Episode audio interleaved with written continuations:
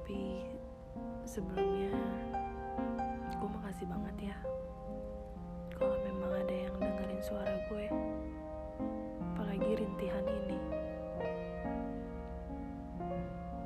Ya mungkin kehidupan kita belum seberapa dengan orang-orang yang sudah lebih dulu dari kita. Mungkin kalian tahu